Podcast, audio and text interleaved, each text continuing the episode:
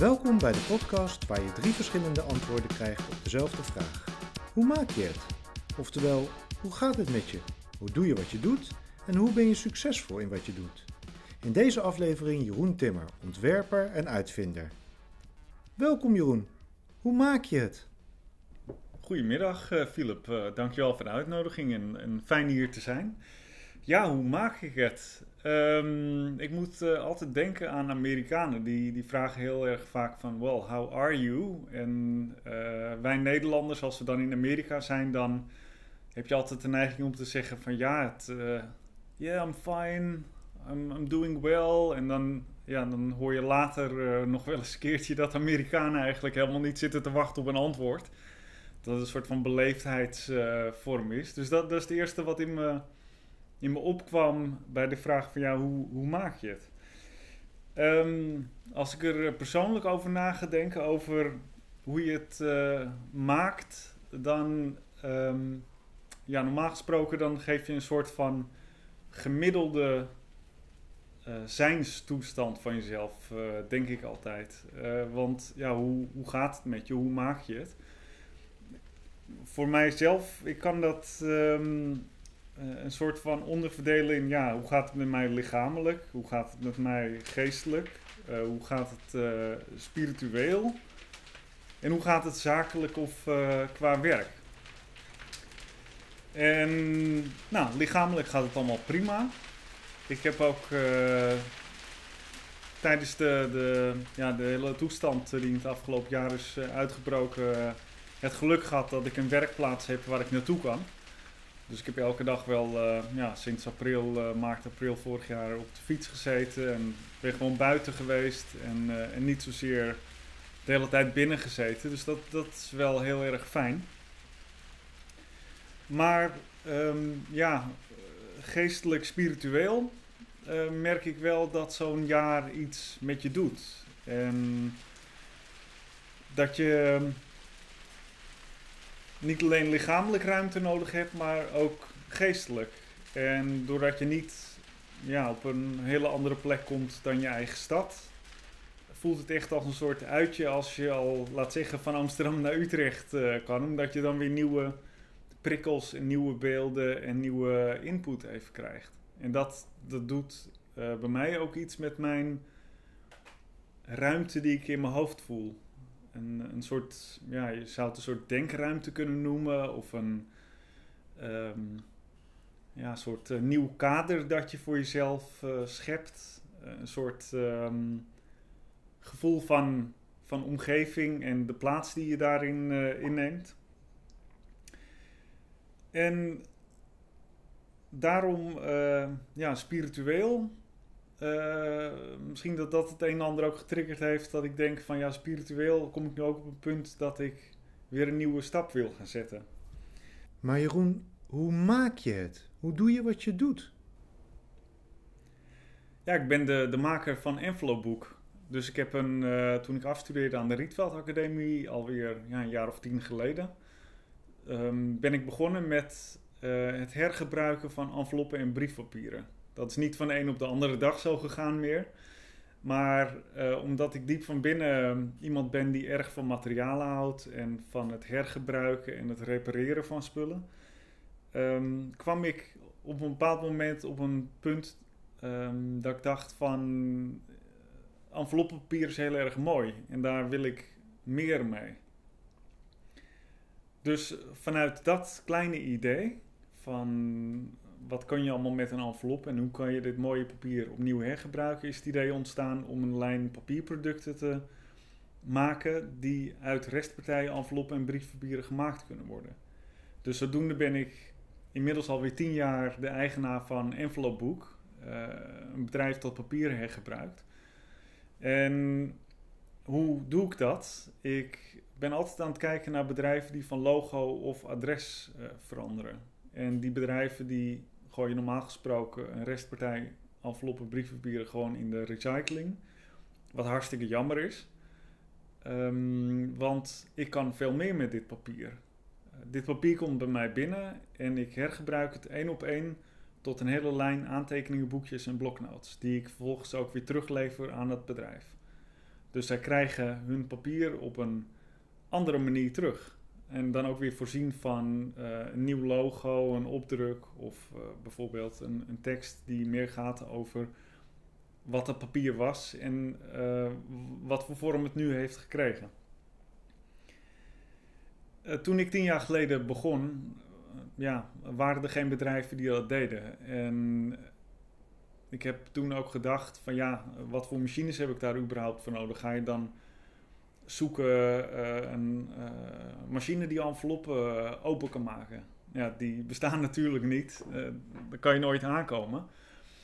En ook andere grafische machines, omdat ik, ja, ik had wel een creatieve opleiding gedaan, maar nooit echt een, um, een grafische opleiding, omdat ik geen grafisch ontwerp heb gedaan, maar meer een algemene designopleiding aan de Rietveld Academie.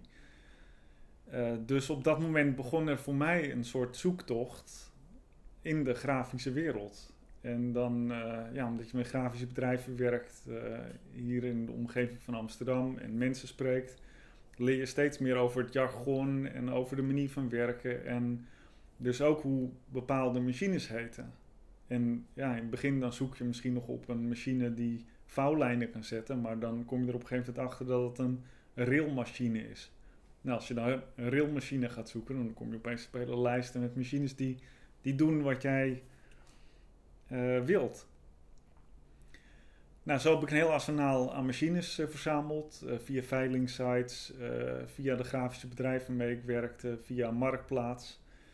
En dat ging allemaal helemaal prima. Maar die machines om enveloppen open te maken en los te maken, die bestonden niet. En ben ik zelf gaan bedenken en uitvinden meer door machines die al bestonden en die ik had gekocht met elkaar te combineren. En die ietsje aan te passen zodat de enveloppen er eh, vlekkeloos doorheen eh, konden. En daarmee maak ik nu de enveloppen dus open en verwerk ik die tot nieuw papier om die weer in de aantekeningenboekjes en bloknotes uh, te verwerken. En dat was wel een interessant proces, want um, ik ben dus begonnen met die papieren en daar kwam een hele andere component, die machines, bij.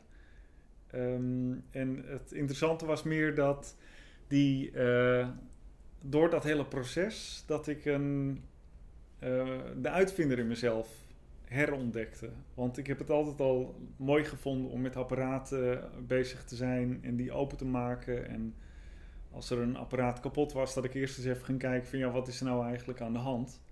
misschien dat veel mensen, als het apparaat kapot is, het zo bij het vuil zetten. Maar ik wil altijd eerst even zelf weten van wat er nou aan de hand is en hoe ik dat zou kunnen oplossen. En dat kon ik, uh, ja, dat uh, gevoel en um, die aanpak kon ik mooi in mijn eigen bedrijf kwijt. En dat werd opnieuw weer uh, tot leven gewekt, dat, dat uitvinderschap.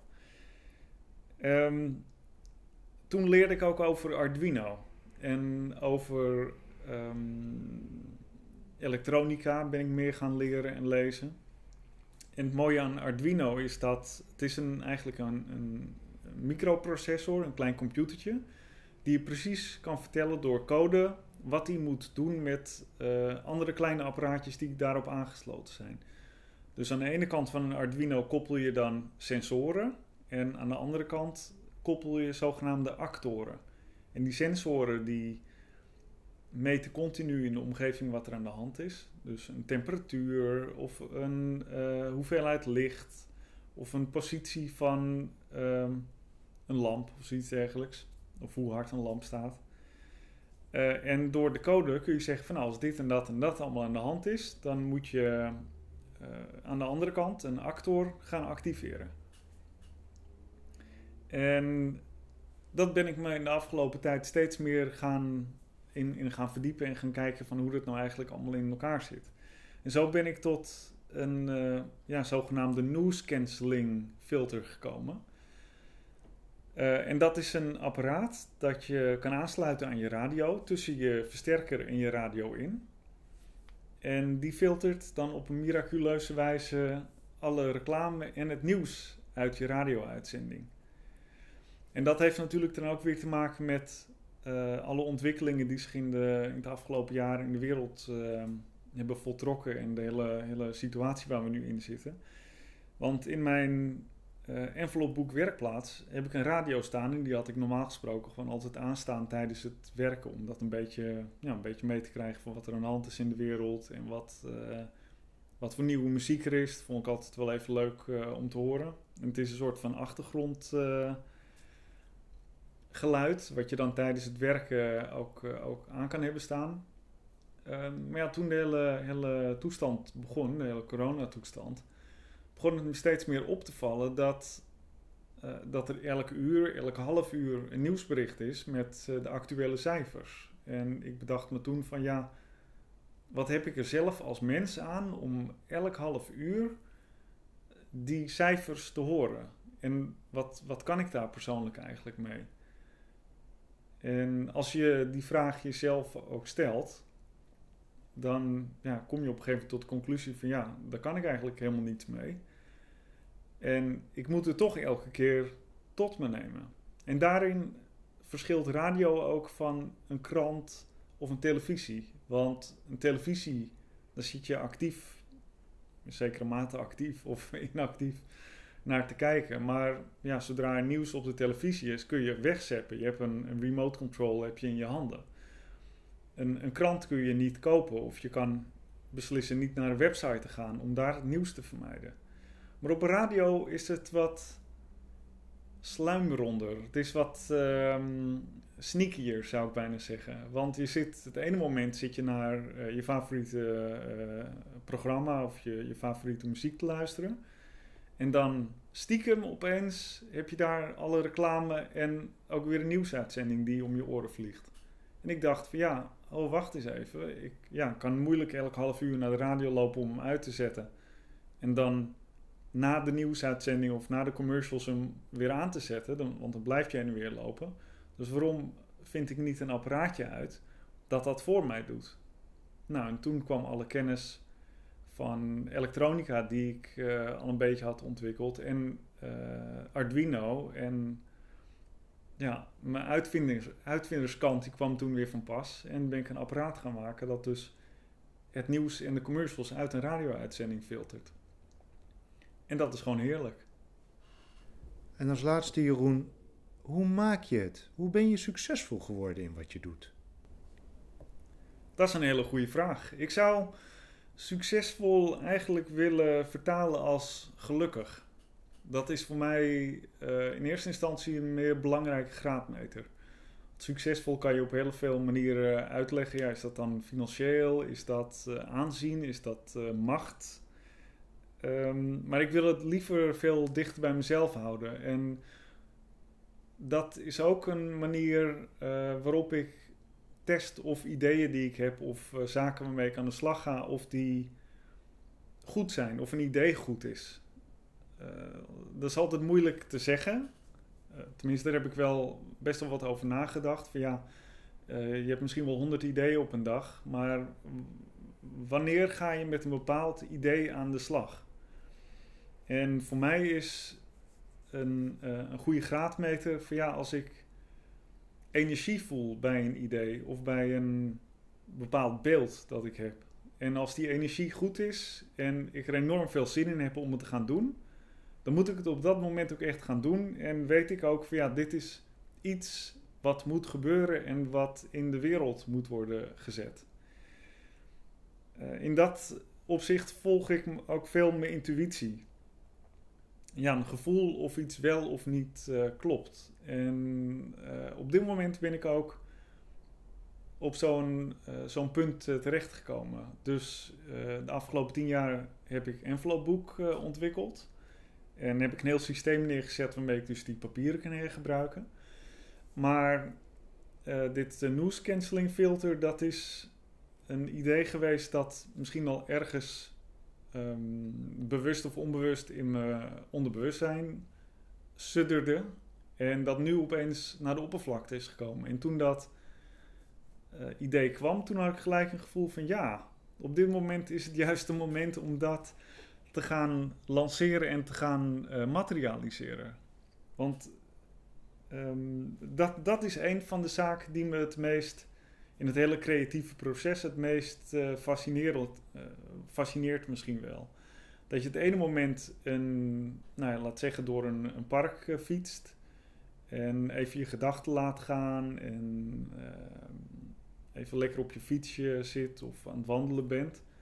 En dan in de leegte van je geest komt er dan opeens een idee op. Of maak je een verbinding tussen dingen die je al weet. En dat is in mijn hoofd altijd een soort klein vonkje.